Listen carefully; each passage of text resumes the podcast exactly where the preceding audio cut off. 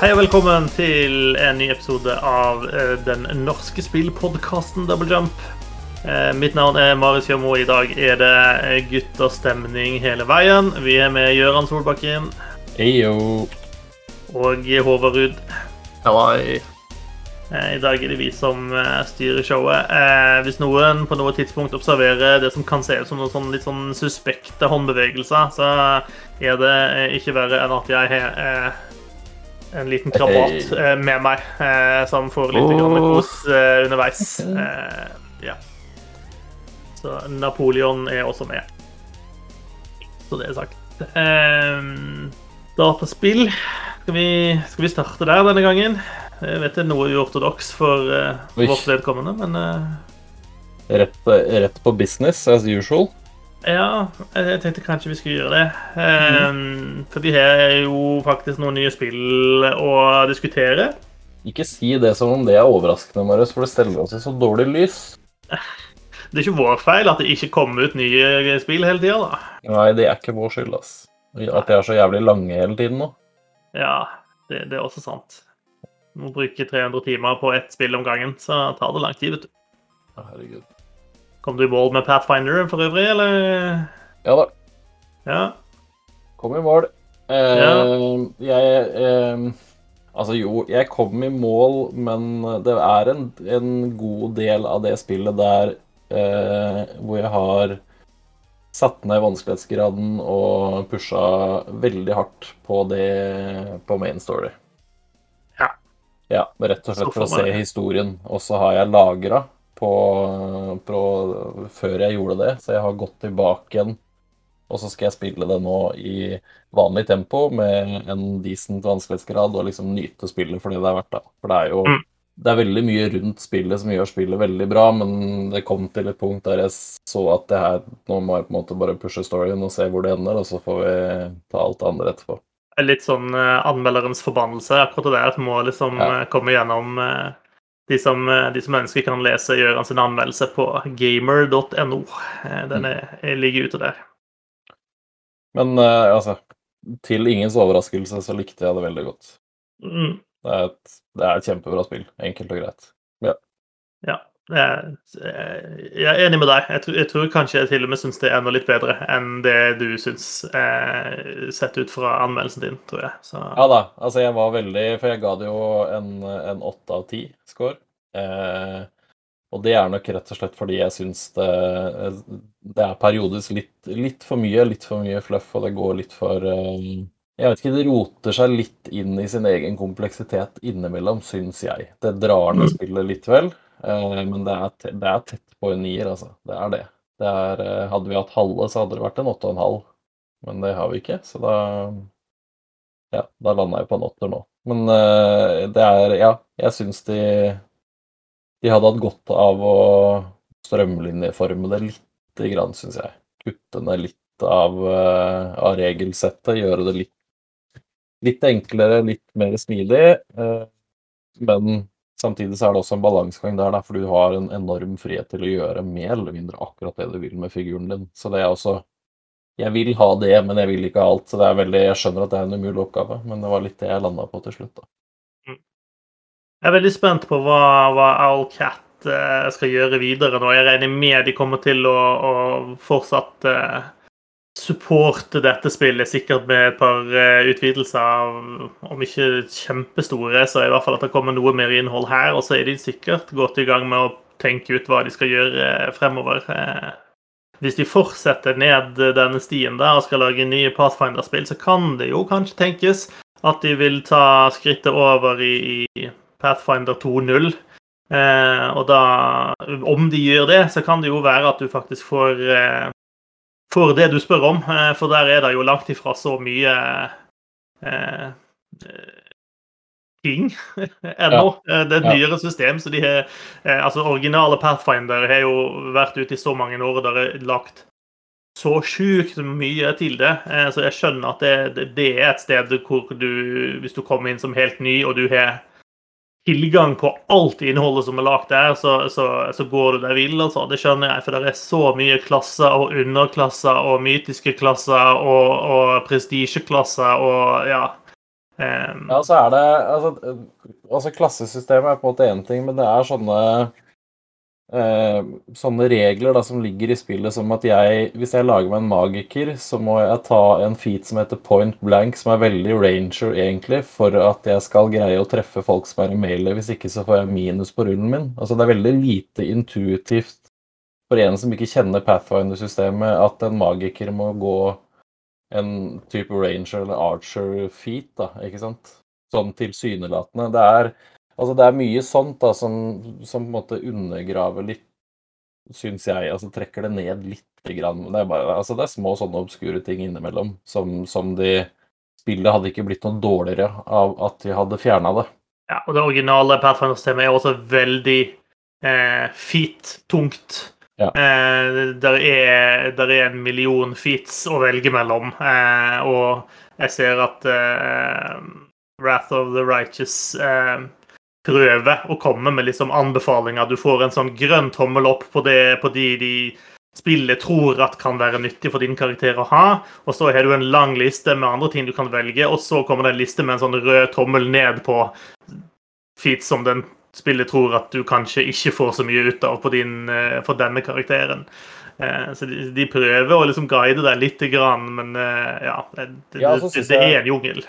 Ja, det er en jungel, men de, har, de er flinkere i det spillet her til å gi typ sånne pop-up-tips, da. Altså for det, den, det eksempelet jeg brukte med at denne magikeren trenger denne featen, det kom opp som et tips veldig, veldig tidlig når jeg fikk en magiker i partyet mitt og prøvde å kaste et spill på en som var i melee combat. Så det, altså, de legger jo til rette for at du skal skjønne det, men det hadde ikke trengt å være der til å begynne med, da på én, syns jeg, men jeg skjønner jo også at det er en del av regelsettet, og de har, så vidt jeg kan Altså den kunnskapen jeg har til Pathfinder, da, så har de vært veldig tro til regelsettet de bygger hele spillet på. Så, så jeg, skjønner, jeg skjønner jo på en måte, men uh, ja. Det hadde hatt godt av å være litt enklere. Ja da. Jeg tror de som er på en måte godt inne i Pathfinder, de kjenner seg nok veldig igjen.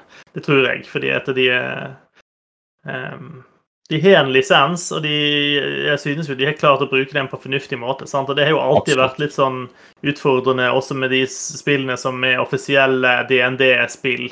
eh, er jo på en måte hvordan konverteres penn- og papirregelsettet til eh, et CRPG-system som fungerer og er forståelig, men samtidig ikke tar vekk eh, så mye at det, de ikke lenger er DND, på en måte. Eh, der har jo noen spill kanskje klart det bedre enn andre. Eh, Ja. Men jeg, Ja, jeg syns det er sånn- er flinke. Mm. Ja, jeg, Owlcat har gjort det veldig, veldig bra, og det er litt sånn eh, På en eller annen måte så tror jeg det blir, det blir veldig vanskelig for Baldur's Gate å følge opp det her. Med det spillet som har vært nå, Jeg så det nå, nå har det vært ett år i Early Access, og det har jo mer eller mindre bare dødd helt ut, den hypen der. Så Jeg har nå ikke rørt det. i det. Nei, så de har eh, De Jeg har vei å glemt det spillet. Ja, ikke sant? Mm. Så hvis du har lyst på et sånn type spill, så er type, altså Pathfinder er jo kongen på tronen akkurat når det gjelder de spillene nå. Uten tvil. Ja, det er det. Og så Ja, Divinity liksom, som er i nærheten, men det er jo ikke basert på et regelsett sånn. Det er vel et fritt, frittstående, Ja. liksom. Det andre. Jeg syns In Exile gjør en ganske god jobb også. Jeg syns Wasteland 3 var, er et veldig godt spill, det også. Mm. Men heller ikke det eh, basert på direkte på et sånn type regelsett. Nei da, så er det ja, veldig, veldig bra. Og det er jo det er, så mange, det er så mange timer med spill bare hvis du gjør det én gang, og det er jo det er et såpass åpent spill at det er jo definitivt gøy å spille flere ganger.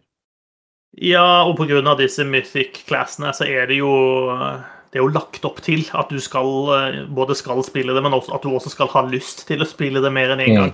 Mm. Og, og jeg er i hvert fall kjempespent på hvordan spillet utarter seg annerledes. Eh, og, og, og spillet er ganske flink til å tease akkurat det. Du får liksom ofte opp sånn derre eh, Her kunne du valgt noe annet hvis du hadde eh, Mm. Angel eh, Mythic Pathen Pathen isteden, for eksempel. Eller sånn. Ja. Eh, Jeg tror jeg skal eh, gå for en sånn eh, den der, Jeg syns den der Litch eh, Hva er den het for noe? Er det Litch et eller annet den heter? Ja. Mythic. Det er det. Den, den ser morsom ut. Jepp. Det er masse. Og jeg syns jeg har lyst til å spille en sånn lawful good, eh, eh, angelic-greie på et tidspunkt. Du kan gå demon pathen, som sikkert byr på masse artig. Eh, og så er det noen mer sånn obskure som jeg er også ganske spent på. Det er en som heter noe sånn som Swarm That Walks, som jeg Ja. tror gjør at du mister alle eh, vennene dine, holdt jeg på å si. Eh, og må gå gjennom mye og spille alene. Eh, veldig spent på hvordan det funker. Så Mye gøy. Mye artig. Eh, bare sett av 1600 timer, så får vi sikkert spilt gjennom med alle, alle pathene etter hvert. Hmm. Yes. Eh, vi skal innom noen nye spill, som vi nevnte. Eh, vi skal eh, prate litt om Fifa, og vi skal prate litt om Far Cry. Hvor, hvor skal vi begynne? Skal vi kjøre Fifa først?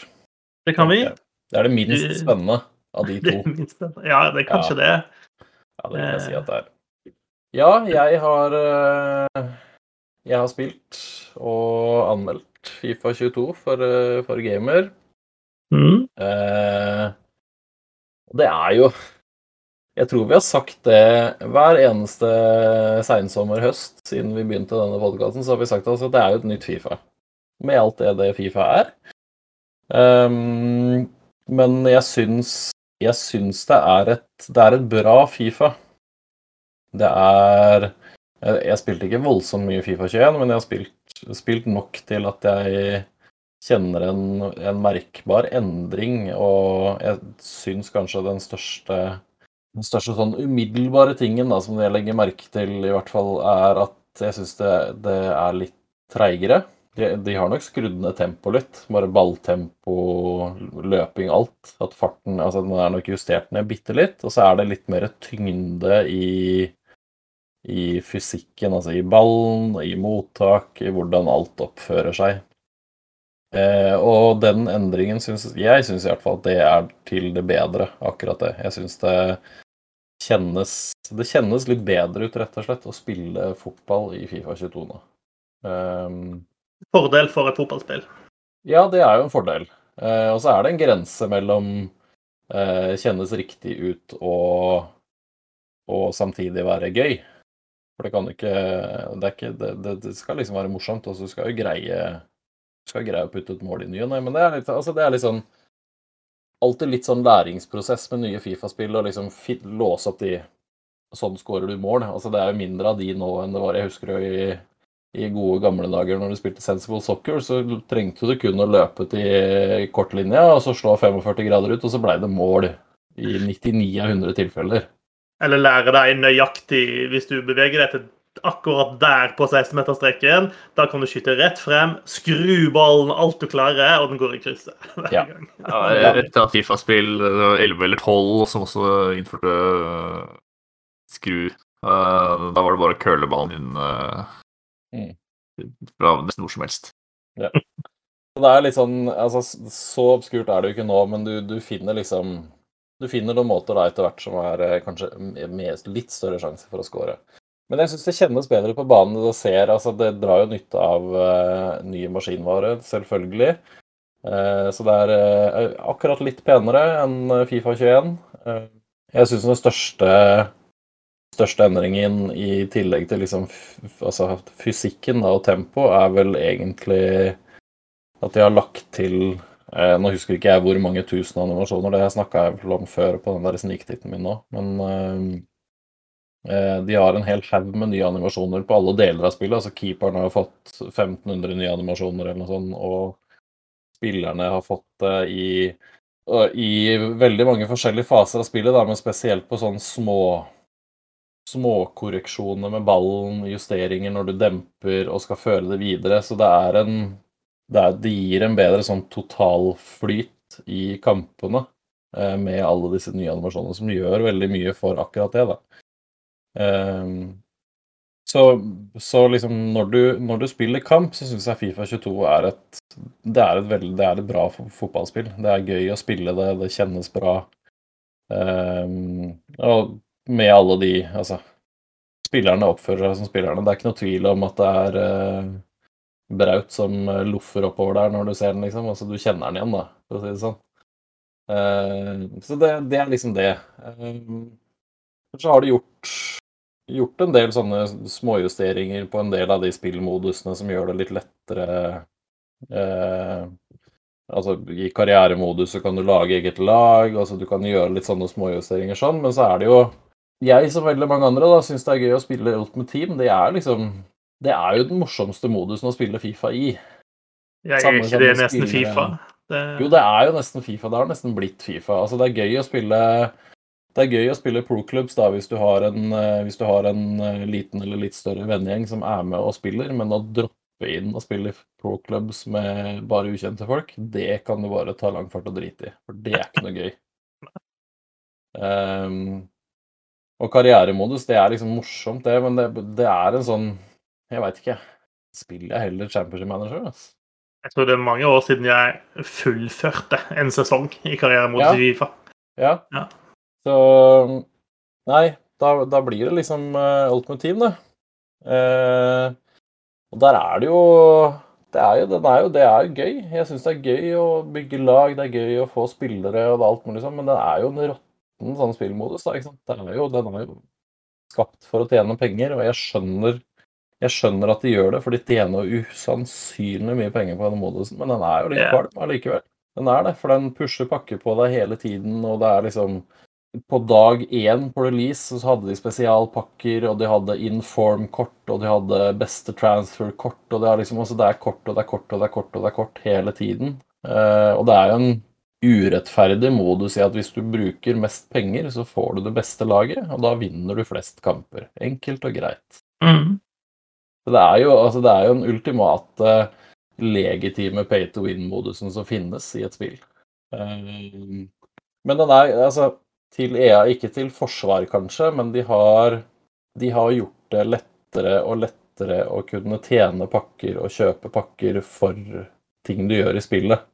Du får mer spillere, du får mer pakker, du får mer gull, sånn at du Altså, du føler liksom at du får noen pakker hele tiden, men det er selvfølgelig ikke i samme tempo som om du skulle ha brukt penger. Nå Nei, og pakkene du får hele tiden, er jo stort sett pakker med svært liten sannsynlighet for å få de beste spillerne i. Ja. Jeg kjøpte jo, for jeg fikk, jeg fikk den eh, Sikkert den dyreste pakka med Fifa, så jeg fikk jo med sånn typ 4500 poeng eller noe sånt å kjøpe pakker for.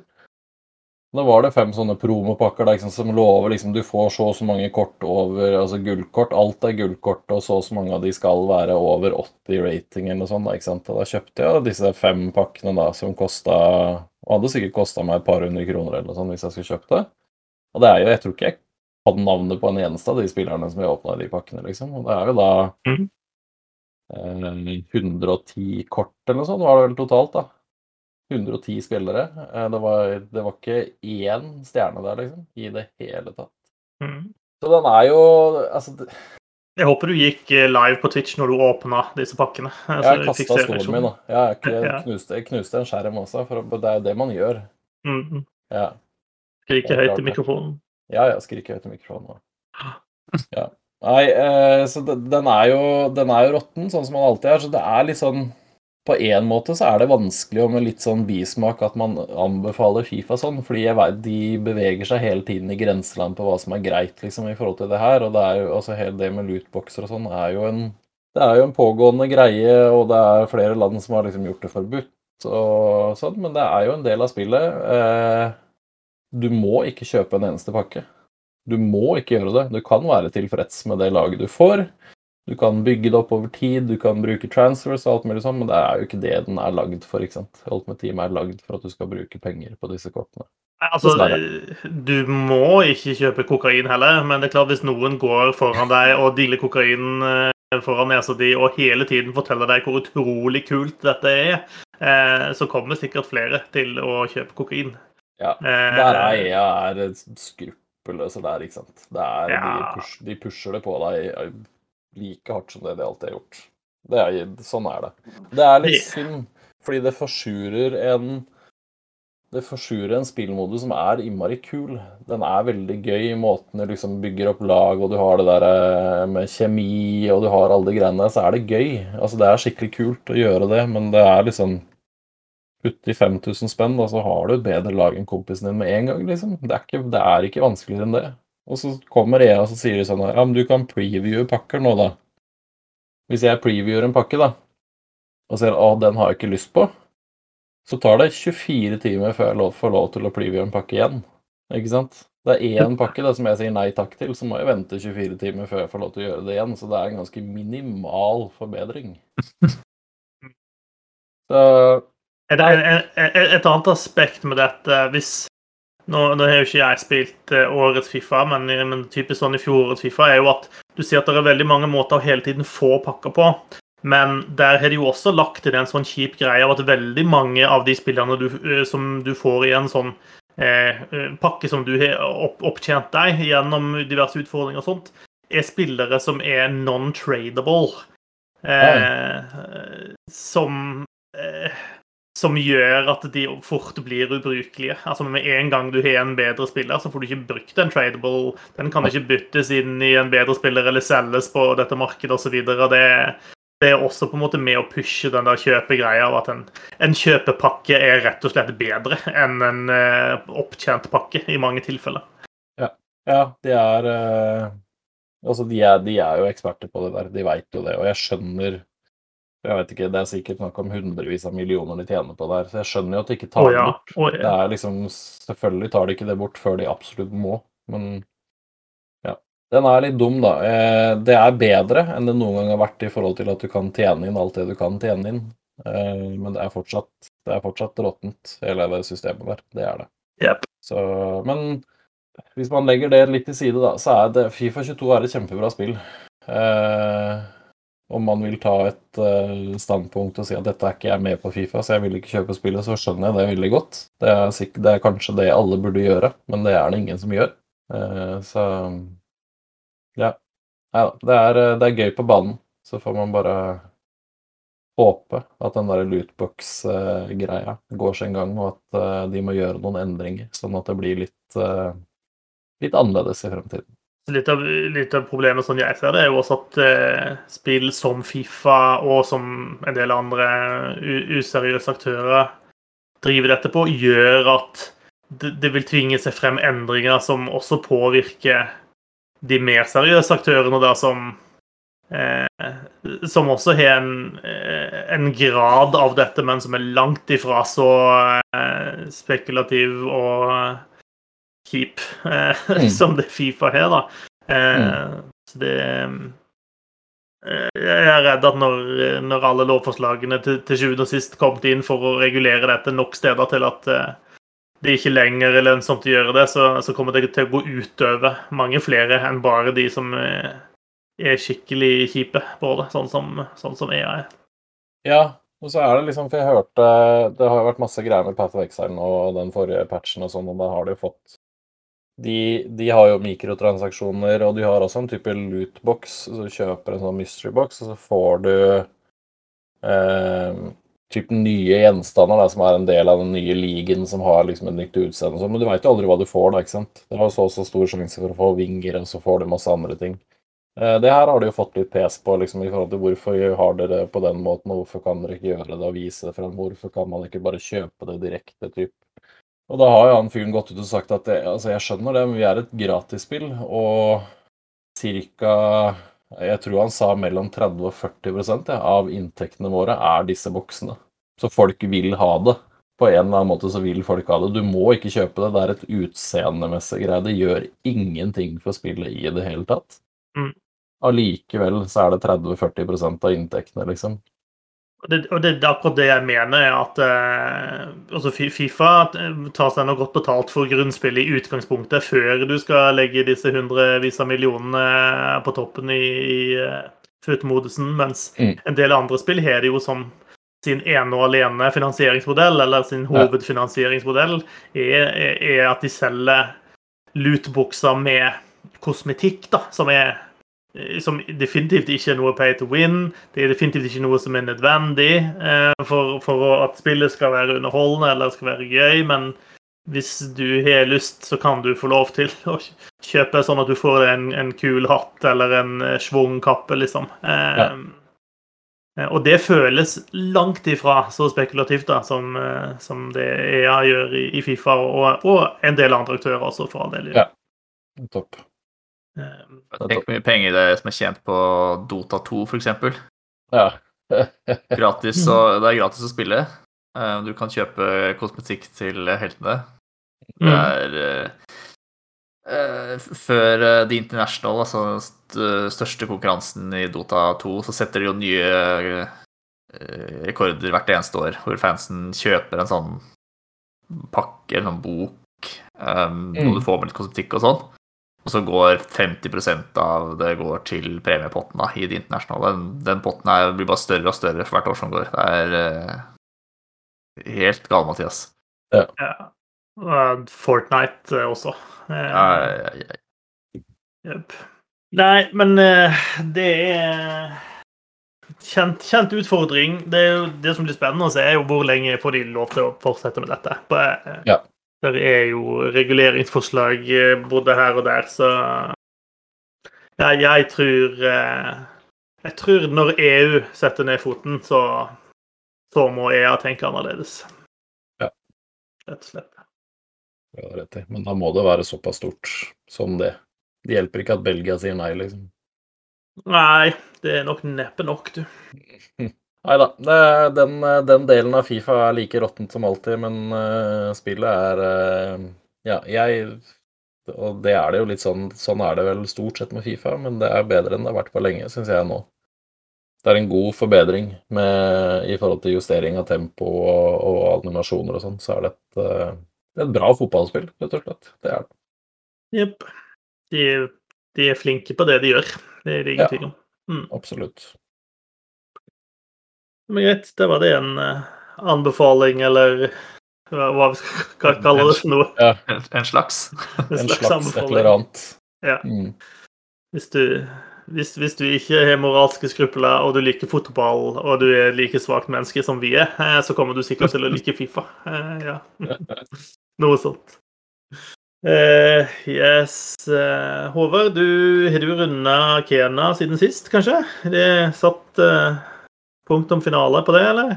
Det har jeg. Mm. Det ble ikke noe dårligere av eh, den finalen, for å si det sånn. Den Nei. uh, avslutninga og litt sånn siste Siste eh, mellomsekvensen der for, eh, for, å, for å avslutte historien var uh, fabelaktig, altså. Det var skikkelig, skikkelig bra. Det er ikke verst. Eh, ja, jeg vet ikke om jeg har så mye mer å legge, før, sånn, legge til det jeg sa forrige, forrige uke, men eh, det, er, eh, det er et bra spill. Det anbefaler jeg varmt. Ja, det sto seg hele veien. Det er jo bra. Ja, Det syns jeg absolutt. Yes. Ja, Det har jeg lyst til å bra. spille. Det dukker sikkert opp igjen i diskusjoner rundt eh, nyttårstid da, tipper jeg. Ja, Det burde Burde det. Mm. Det, er ikke, det er ikke det jeg skal stryke først, for å si det sånn. Jeg liker at du har begynt å planlegge strategiene eh, allerede. Håvard. Det, det lover bra. Ja, men man skal ikke ha fulgt eh, veldig nøye med på den podkasten for å få med seg et spill jeg liker vesentlig dårligere enn Kena fra nylig tid, nylig tid. for eksempel. Ja, så lenge, du, så lenge Skatebird er på lista, så er vi alle fornøyd. uh, Eh, yes, vi kan jo touche innom Far Cry 6, da. Eh, Det har jeg sittet og spilt eh, i noen dager eh, når, jeg ikke har vært på jobb. Eh, og Hvor skal vi starte med det, da? Far Cry 6 er et Far Cry-spill.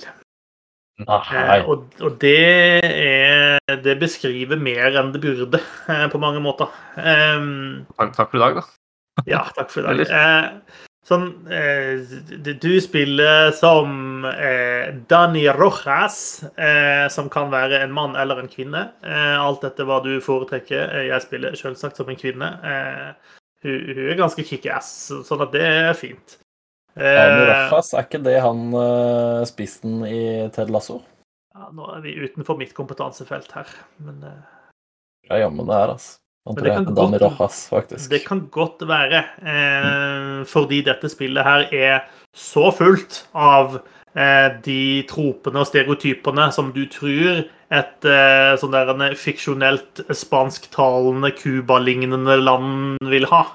Eh, så eh, jeg tror ikke de får mange bonuspoeng for eh, liksom diversity her, selv om de har valgt å gå, eh, gå til et spansktalende eh, kind of latinamerikansk land. Eh, som heter for Yara. Eh, Ja. Som ikke må forveksles med Norsk Hydro, eller hva nå det heter for noe. Det ble, ble ikke det også Yara en eller annen gang? Ja. Jo, jeg vet det. Uh, Andreas Bjørnbekk, venn av podkasten, han har anmeldt uh, Far Cry 6 for gamer. Og jeg likte en, eh, en eh, formulering han hadde der. Eh, han sier at det er litt skuffende at Far Cry 6 ikke foregår på Cuba i det hele tatt, men på Yara i en fiktiv Cuba-inspirert øy med en Cuba-inspirert diktator og Cuba-inspirerte revolusjonære. Um, yeah. Som de liksom ikke har turt å kalle det Cuba. yeah. Alt, men alt er Cuba. Tatt ut av. Pretty much. Samtidig så hadde de sikkert kommet plutselig inn i Ja, da, da, måtte øya sett ut som Cuba, og det hadde, de hadde sikkert skapt masse legal trouble og masse rare ting. Helt sikkert. Men, men ja, eh, Han er inne på noe, for å si det sånn. Ja. Um, du spiller som Dani Rojas. Um, det starter med en litt sånn lang sånn eh, skripta åpningssekvens som er delt tutorial og delt eh, for å sette deg liksom inn i historien før, før det slipper deg fri i den åpne sandkassen, som, som Far Cry alltid er. Eh, og det som skjer helt i starten, er at eh, du, noen av vennene dine de er tydeligvis eh, mot, motstandsbevegelsesfolk. Eh, og det går ikke så veldig bra med de, og du er helt eh, satt på at nei, nei, du skal ikke være en del av motstandsbevegelsen. Du skal bare stikke av og reise til Miami, komme deg unna dette her.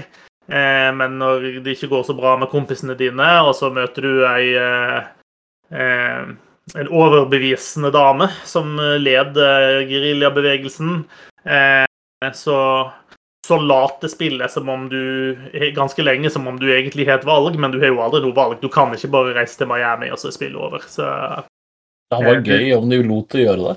ja, bare Ja. fuck off. I'm, I'm out of here. Eh, Dessverre. Eh, så etter en sånn en introrunde så åpner verden seg opp. Du er en del av eh, motstandsbevegelsen på Yara, eh, og selv om du nå er på eh, noen karibiske øyer, eh, så så er dette Far Cry sånn som du er kjent med at det er. Det er masse baser rundt forbi som du kan ta over med enten å gunne ned alle som er der, eller å snike deg inn og løse på en måte objektivene der. Det passer på å ikke utløse alarmen, og alt dette her er veldig kjent. sant? Eh, der er anti-aircraft guns rundt forbi som du må ta ned for å åpne opp luftrommet, sånn at du kan kjøre rundt i helikopter eller fly. Eh, Der er masse kjøretøy, der er biler og båter og det som er. Um, og, og, det er veldig Far Cry. Og de har fokusert veldig mye på liksom crafting-delen her. Eh, den, er, den er helt grei. Altså, de, de kaller disse våpnene er resolver weapons. da, altså du på en måte Gjenbruksvåpen. Du, du plukker opp noen ressurser rundt forbi, som er type gunpowder og gasoline og metal eh, som står rundt forbi. Eh, av en eller annen grunn så koster alle oppgraderinger gunpowder. Hvis du skal oppgradere fiskestanga di, så må du ha gunpowder. Jeg vet ikke hvorfor, men sånn er det i hvert fall.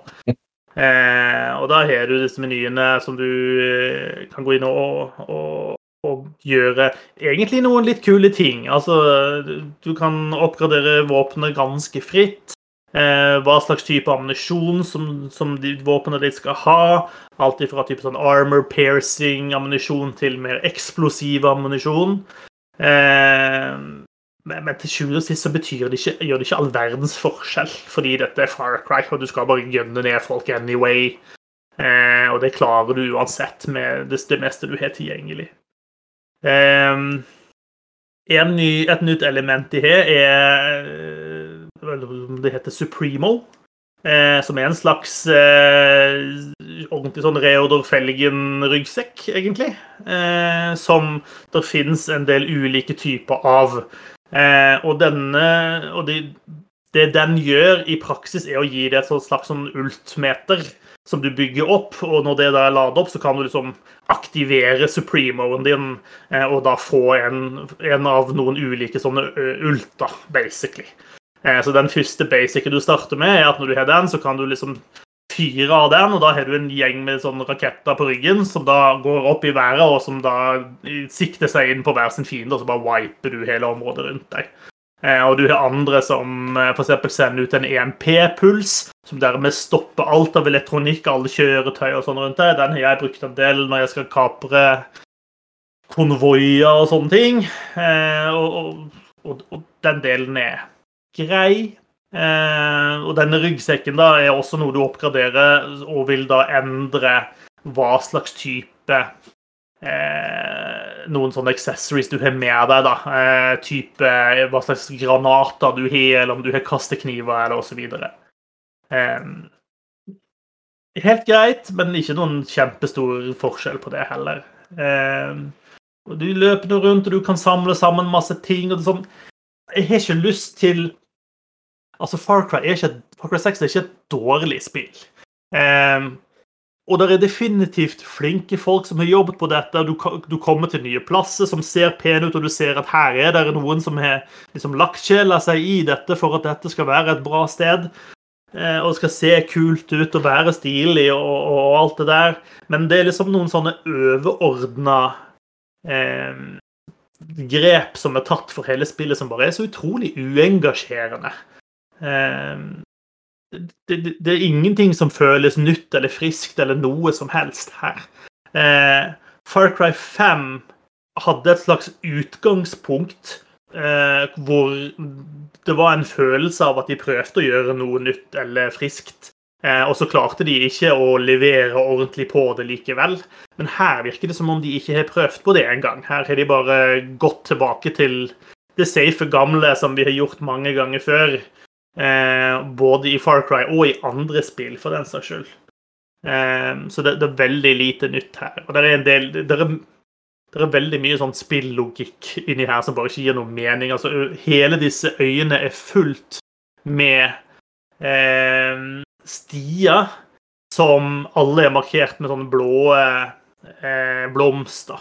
Blått er liksom motstandsbevegelsen sin farge, og de bruker blått veldig mye i interfacet for å vise deg eh, her kan du gå, her kan du osv. Eh, problemet er at du, eh, disse folkene som jobber for regimet, de vet tydeligvis ikke om disse stiene, som er liksom de mest åpenbare måtene å bevege seg på i hele spillet. De er liksom hemmelige, og de er det bare du og motstandsbevegelsen som kan se. Sikkert noe inspirert av eh, Viet Cong sine veier gjennom jungelen i, i Vietnam for lenge siden. Eh, bare at her er det så åpenbart at det gir liksom ikke noen mening at eh, å ja, disse andre soldatene de vet ikke om disse tusen mm, kjempesynlige veiene du kan gå for å komme deg raskt fra et sted til et annet. De gidder ikke patruljere de, nei da, de holder seg på hovedveien, de. Eh, som er Ja, det bare Jeg skjønner hvorfor de har gjort det. Det bare føles så rart ut. Det føles lite ekte, da. Ja. Eh, en ting som jeg vil si, som, eh, som, som gir noen kudospoeng eh, De har tidligere hatt et sånt system, og de har bygd videre på det her. Her kalles det, et, her kalles det amigos. Du, får, du, kan få med deg en amigo. Eh, som du kan kommandere og gjøre ting med. Eh, og amigoene dine de er dyr, og det er jo ofte veldig kult. Eh, den første amigoen du får, er en krokodille med en T-skjorte på, eh, som er ganske kul. Eh, han er ganske blodtørstig og er en såkalt combat amigo. Eh, han er ganske stilig, men eh, prisen for, for, beste NPC den, den, kan være Far Cry tar hjem i år. For du får med deg en hund. Og ikke bare en hvilken som helst hund. Det er en, en ganske liten, ser ut som ganske ung eh, jeg, jeg, vil påstå det er en dagshund, uten at jeg er ekspert på hunderaser. så har han eh, to bakbein som ikke fungerer. Så han har fått liksom en sånn lita kjerre som er montert på han, så han har basically to bakhjul. Eh, og på denne kjerra så har han litt sånn verktøy og sånne ting, og den hunden er så glad eh, og er liksom med deg overalt. Og der du kan sende krokodillen din til liksom å angripe folk, så kan du da sende hunden din her til å sjarmere fiendene, sånn at de er opptatt med å se på hunden din gjøre triks mens du sniker deg bak og forbi dem. Og det er bare helt nydelig. Eh, og denne hunden heter da chorizo, eh, selvsagt, eh, for den er en liten pølsehund. Eh, så eh, det, det, det, det, er en del andre amigos også, men de er egentlig unødvendige. For du, du, du vil jo aldri bytte vekk eh, chorizo. Han er bare helt awesome. Eh, ja. Så der har, de, de truffet, skal de ha. Hva eh, med Giancarlo Esposito som yes. skurken? Hva, hvordan gjør han seg? Han gjør seg jo bra. Det gjør jo det, men det Hva skal man si, da? Altså Det er ikke 99 um, av spillet så ser du ikke noe særlig til han. Uh, han dukker opp uh, i noen cutscenes i ny og ne. Uh, og så kan jeg regne med at det er noe session, noe greie, endgame-greier med han. som Jeg har ikke spilt igjennom spillet ennå, det har jeg absolutt ikke rukket. Sannsynligheten er stor for at det kommer jeg aldri til å gjøre. Eh, men jo da, det, det, dukker opp en del scener, eh, cutscenes med han innimellom. For etter hvert som du avanserer liksom story mission, så får du sånne, tid, sånne små tominutters eh, cutscenes. Eh, der Giancarlo og sønnen hans eh, Du følger på en måte litt sånn sønnen sin opplæring i det å være en kjip diktator i praksis.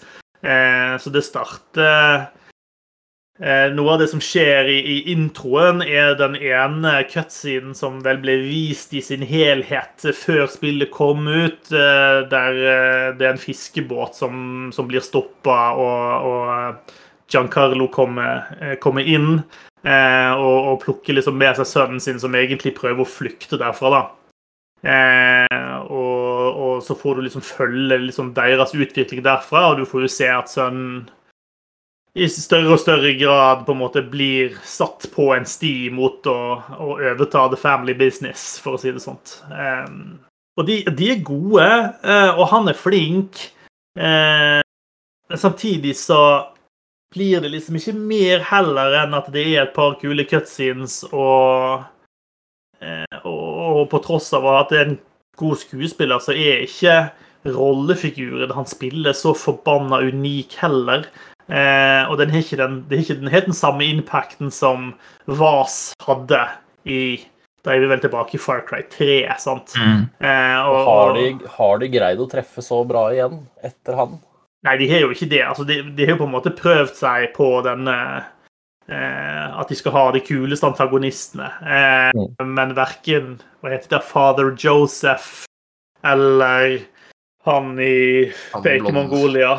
Blonde på fjellet. Ja, eh, altså eh, de, de, Decent skurker, de også, men, men, det kan være at de på en måte Fordi at han Vas fungerte så utrolig bra, så har de sett seg litt blind på at eh, en god antagonist skal kunne bære hele narrativen i en sånn type sandkassespill, og det er jeg ikke helt sikker på om, eh, om jeg er enig i, da. Eh, og så har jeg Nå har jo jeg spilt på en eh, versjon av spillet på Xbox som kom ut før Day One-patchen, sånn at eh, eh, det kan jo godt være at det, ting fikses, men det har vært der igjen. Det er litt sånn janky greie ute og går. Eh, noe av det blir kanskje fiksa, og noe av det blir kanskje ikke det. Eh, ikke noe som ødelegger spillet som sådan, men det, det skjer litt rare ting. Eh, spesielt knytta til eh, altså det verste, det verste, i alle sånne spill, også i dette, er når du har sånn eh, oppdrag hvor du skal eskortere en eller annen NPC fra et sted til et annet. Det bare er ræva. Det er alltid ræva. Vi må slutte å ha sånne oppdrag. Jeg var på et oppdrag der jeg skulle redde en fyr ut av et fengsel. Eh, og liksom, jeg gjør alt helt riktig. og, sånn, og jeg, gjør ting, jeg, gjør ting, overraskende bra for meg å være. Jeg kommer meg usett inn i fengselet, får tatt ut alarmsystemene, får liksom nøkka, sniker til meg nøkkelen inne på fangevokteren sitt kontor, får sneke meg ut igjen til hans i celle, får han med meg ut av cella, og så er spørsmålet OK. hvordan skal jeg få han ut herfra? Fordi jeg vet et fint sted hvor det er null stress for meg å klatre opp, og så hoppe over gjerdet, og så er jeg ute av fengselet. Så jeg tenker OK, dette kommer sikkert til å gå drit, men jeg prøver. Eh, og jo da, det gikk selvfølgelig drit. Fordi han, selv om det er verdens enkleste ting å hoppe over det gjerdet, så kan jo ikke han NPC-en hoppe over gjerdet etter meg. Selvsagt. Så hva gjør han da? Jo, han er jo desperat, for han har sikkert en kommando om at han skal følge etter meg. Eh, så da løper jo han mot hovedutgangen, selvsagt, som er godt bevokta med masse folk. Eh, og, og, ikke bare løper han liksom rett inn i fiendene, men jeg får jo også, fordi han løper fra meg, så får jeg også opp en sånn stor advarsel om at nå beveger du deg fra NPC-en. Eh, nå kommer oppdraget til å feile. Eh, så jeg er jo også bare nødt til å drite i alt min gode sniking og bare beine inn hovedinngangen og, og gønne ned det som er der, for at vi begge skal komme levende ifra det. Det er sånn Åh, dette burde ikke være nødvendig i 2021, altså. Ja. Eh, så det er litt sånne ting, og det er en del knytta til eh, Spesielt når du skal prøve å ha en dialog med, med NPC-ene, så er de veldig var for om noe kommer borti de mens du prater med dem. Da bare fryser alt og stopper alt, og så må du liksom initiere dialogen på nytt igjen. Eh, og Det kan være et problem spesielt fordi det er ganske mye hester i dette spillet, og de hestene de lever litt sitt eget liv. Eh, og Det er jo kanskje realistisk og greit, det, men det funker veldig dårlig når det er en hest i nærheten av noen du prøver å snakke med. For hver gang den hesten bomper borti den personen, så stopper dialogen, og du må begynne på nytt igjen. Eh, og Det er litt sånne janky greier som det, da, som er litt, eh, litt irriterende. Så det er også noen Det er også noe med Når du skal ta disse basene eller overta et eller annet område, eh, så er det ulike kriterier for hva som liksom er suksess.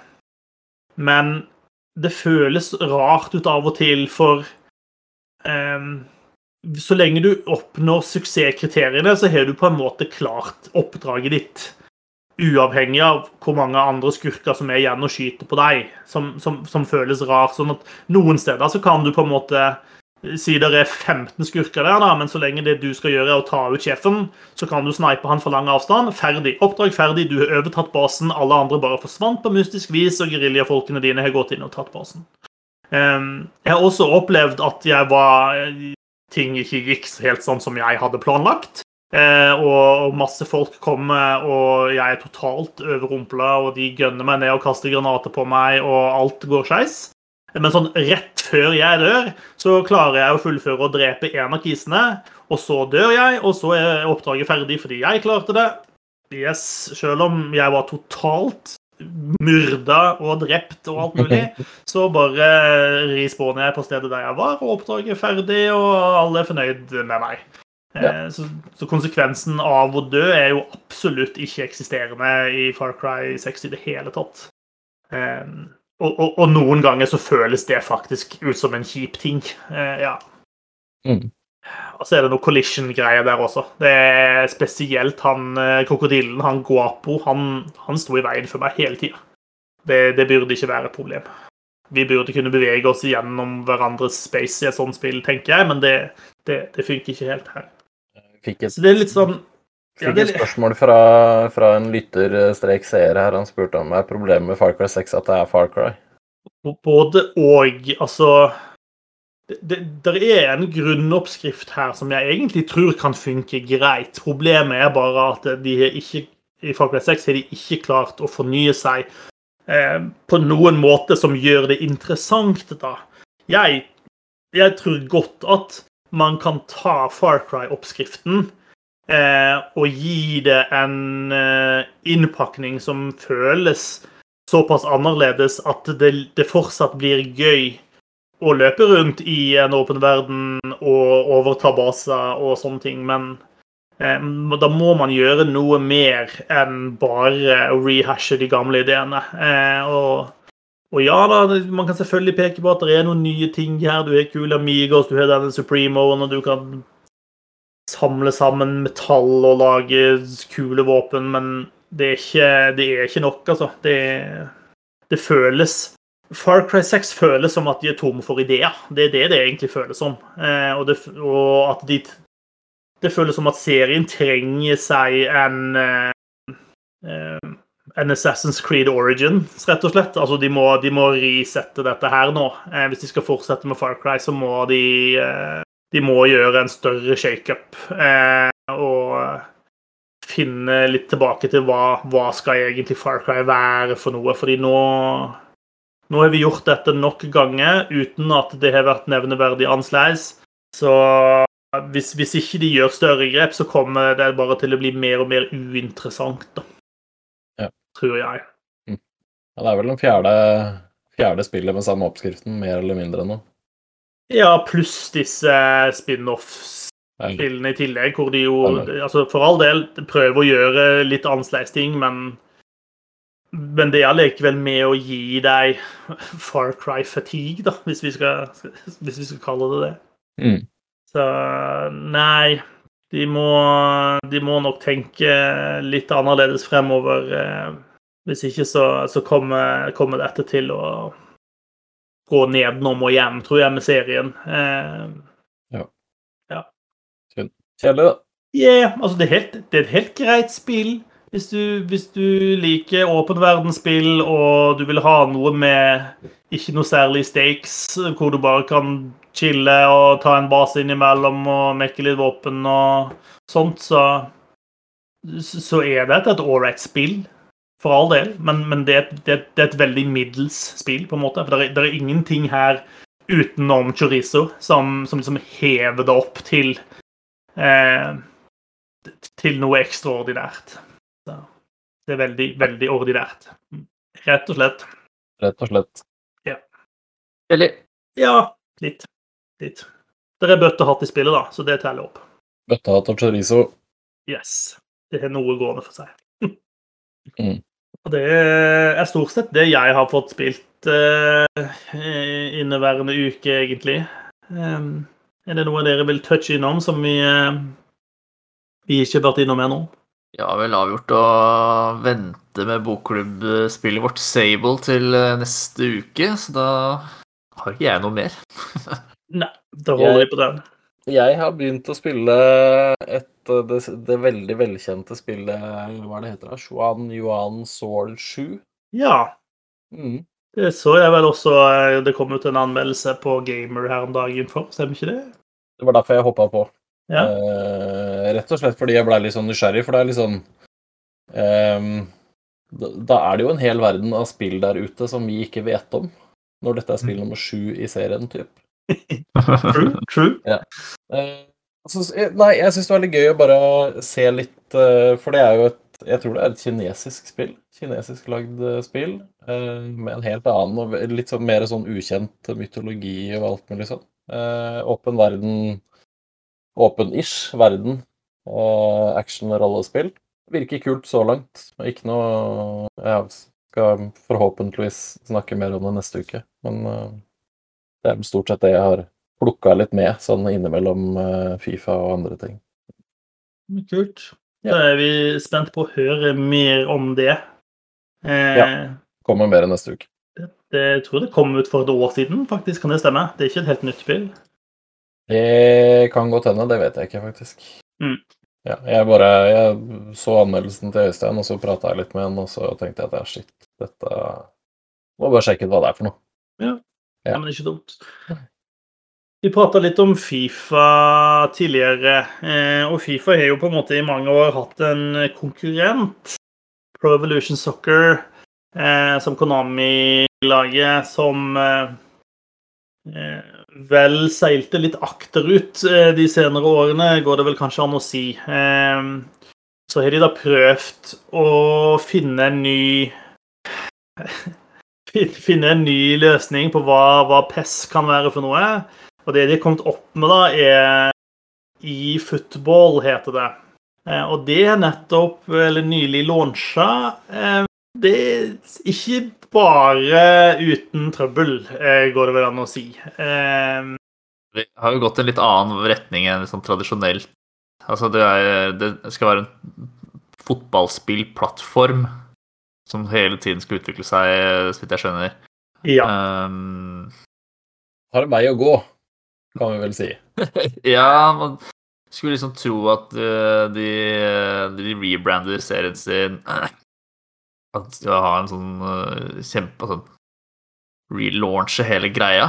Skulle tro liksom, at de har lagt mye arbeid uh, ned i det. Men uh, det er mye bilder og, og klipp som har uh, florert på nettet det siste. Som tyder på at de kanskje ikke har lagt så mye De skulle gått en runde til med, med poleringa, da. Det er en del ting som ser helt hilarious ut uh, her.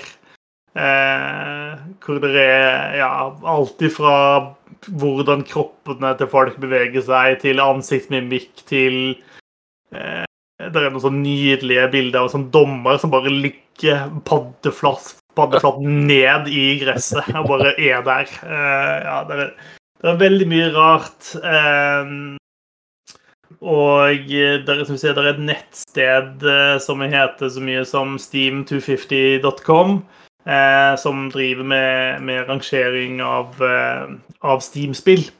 Eh, og de har jo da kommet frem til at etter launch så er da i Football 2022 eh, det dårligst ranka spillet på Steam eh, noensinne. Det er ganske Eh, godt med- gjort. Med god margin også. Eh, Ja. Det er litt sånn de laveste scorene er liksom 1,83, 1,78, 1,73, 1,52.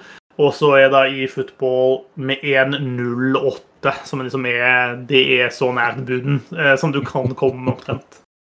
Eh, det, dukka jo ganske fort opp noen bilder av uh, Lionel Messi. Um, med så enorme øyne, så kanskje mest ut som sånn froskehybrid.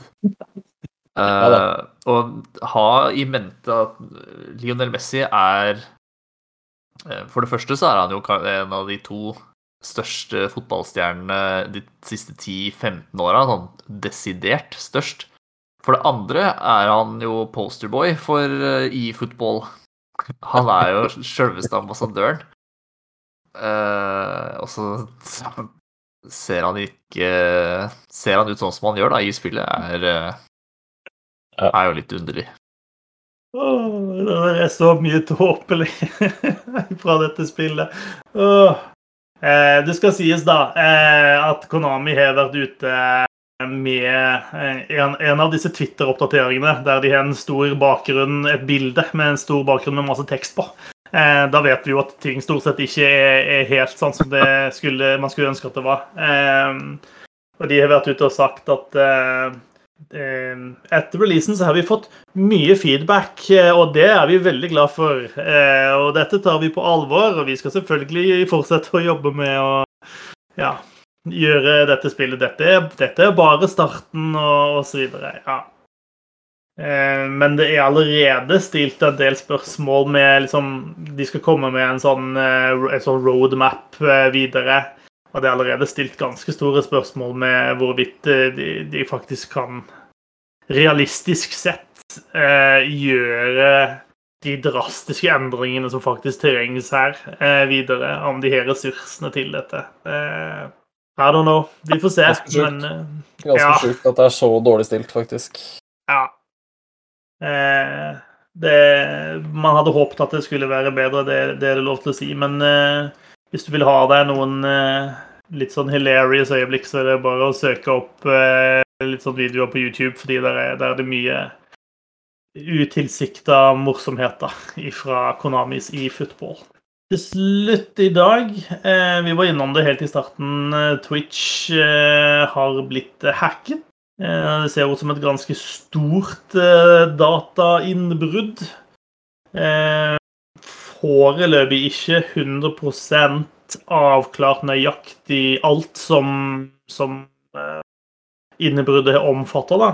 Det er fortsatt ikke blitt bekrefta hvorvidt eh, altså all type brukerinformasjon er på avveie. Eh, det er noen ting som tyder på at det kanskje ikke eh, er det, men, eh, men det er ikke helt bekrefta ennå. Um, men det ser ut til å være en ganske enorm breach, da. Eh, Og jeg har sett at det er flere som har vært ute og oppfordra folk om å i hvert fall bytte passordene sine og aktivere tostegsautentisering, og det siste der tenker jeg er et bra tips uansett. eh, Hacking eller ikke, eh, i dagens internettsamfunn. Pleier å være greit. Kan du ha to faktorer, så gjør det. Det er vel stort sett eh, anbefalingen. Ja. Ja. Det er nok smart. Eh, Det ser vel ut som hele kildekoden til Twitch er eh, lekka. Eh, det skal være en torrentfil på 125 gigabyte som er lasta på 4chan. Og det Ja. er vel eh, det er like mye som GTA 5 er på, er det ikke det? Eller eh, noe sånt? Eller er det Red Dead Redemption 2, kanskje? Så det er ganske mye, da. Eh, Blant annet så fikk vi jo se hvem av streamerne, de populære streamerne som tjener mest. Ja, for du fikk data på, på de økonomiske utbetalingene som Twitch gjør. Um, så hvis du har lyst til å grafse i den slags informasjon, så ligger, ligger det der ute på nettet. Jeg kan, jeg kan avsløre at eh, de populære Twitch-streamerne Double Jump eh, ikke er, på topplisten. Eh, dessverre, kan man kanskje si. Um, Ellers så lå det også mye, altså mange ting som er, ikke er annonsert, eller eh, i hvert fall ikke er klar for å vises frem. Eh, ting som Twitch jobber med og ønsker å, gjøre noe med i fremtiden. Eh, det er masse assets, ja, masse Det er, der er det, det et stort eh, En stor verden av entusiaster som nå graver ganske hardt i denne, disse dataene, da for å finne alle de mørke hemmelighetene til, til Twitch eh, inni dette. Jeg registrerer på Twitter at det kommer ut eh, det ene etter det andre der, og eh, eh, Det er også snakk om at det er noen, at det er noe spill inni der, eller noen former for spill, eh, som, som noen tror at det går an å sette sammen igjen ved dette her, og få et slags, et slags inntrykk av hva det er de har jobbet med, i hvert fall, osv. Så, videre. så det Litt synd, da. Altså, det er litt sånn Jeg vet ikke, jeg. Jeg, jeg, jeg er ikke noe fan av at folk får vite hva andre folk tjener. De jobber hardt, og de Ja. Om de fortjener den høye lønna eller ikke, det får så være, men det er i hvert fall Det er jo personlig informasjon, og til syvende og sist så er det sikkert en hel haug med sånne seere som kommer til å bruke det mot de ganske hardt. At ja, du tjener så mye penger, og ikke sant? Du veit jo hvordan det blir med folk. Så vet hvordan liksom internettfolket ja. Å legge ut sånne lister og henge ut folk, da, da det slår bare tilbake på de man egentlig sitter og ser på, da. Ja, altså, er jo ikke, altså generelt sett er jo ikke datainnbrudd noe kult. sant? Altså, Én ting er å lekke informasjon som man mener at offentligheten har en stor interesse av å vite. Hvis man vet at noen bedriver kriminelle eller sterkt uetiske ting, eh, og man på en måte lekker bevis på det, så er det så er det nå én ting. Eh, men her er det jo bare en diger eh, datadump av ting de har stjålet, som det de ikke ser ut som om noen har hatt noen, noen annen agenda enn bare å være kjip, egentlig, mot Nei. Twitch, da. Ja, Nei, pass på passordene deres. ja gjør det. Eh, men, men, men det er jo igjen noe av dette med Altså, vi har hatt, eh, vi har hatt masse datainnbrudd eh, det siste året eh, fra store, store selskaper, sånn, sånn at eh, den verden vi lever i, er at eh, ingenting som er kobla til internett, er trygt eh, 100 eh, Så har man noen ting, så ja, bruk tofaktorautentisering og ha gode passord osv., men ha, ha backups av ting. Så Mhm. ikke du blir eh, Noen stjeler tingene dine og krever ransom for å få det tilbake igjen. Eh, og har du ting som ikke tåler dagens lys, har det kanskje ikke tilkobla internett.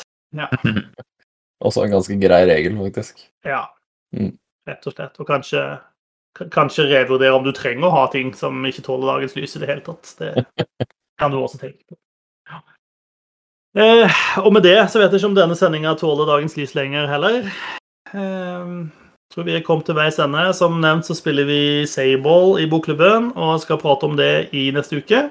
Da Neste uke så håper vi at vi er tilbake igjen på vår eh, vanlige innspillingsdag, som er på mandagskvelden klokken åtte. Mm.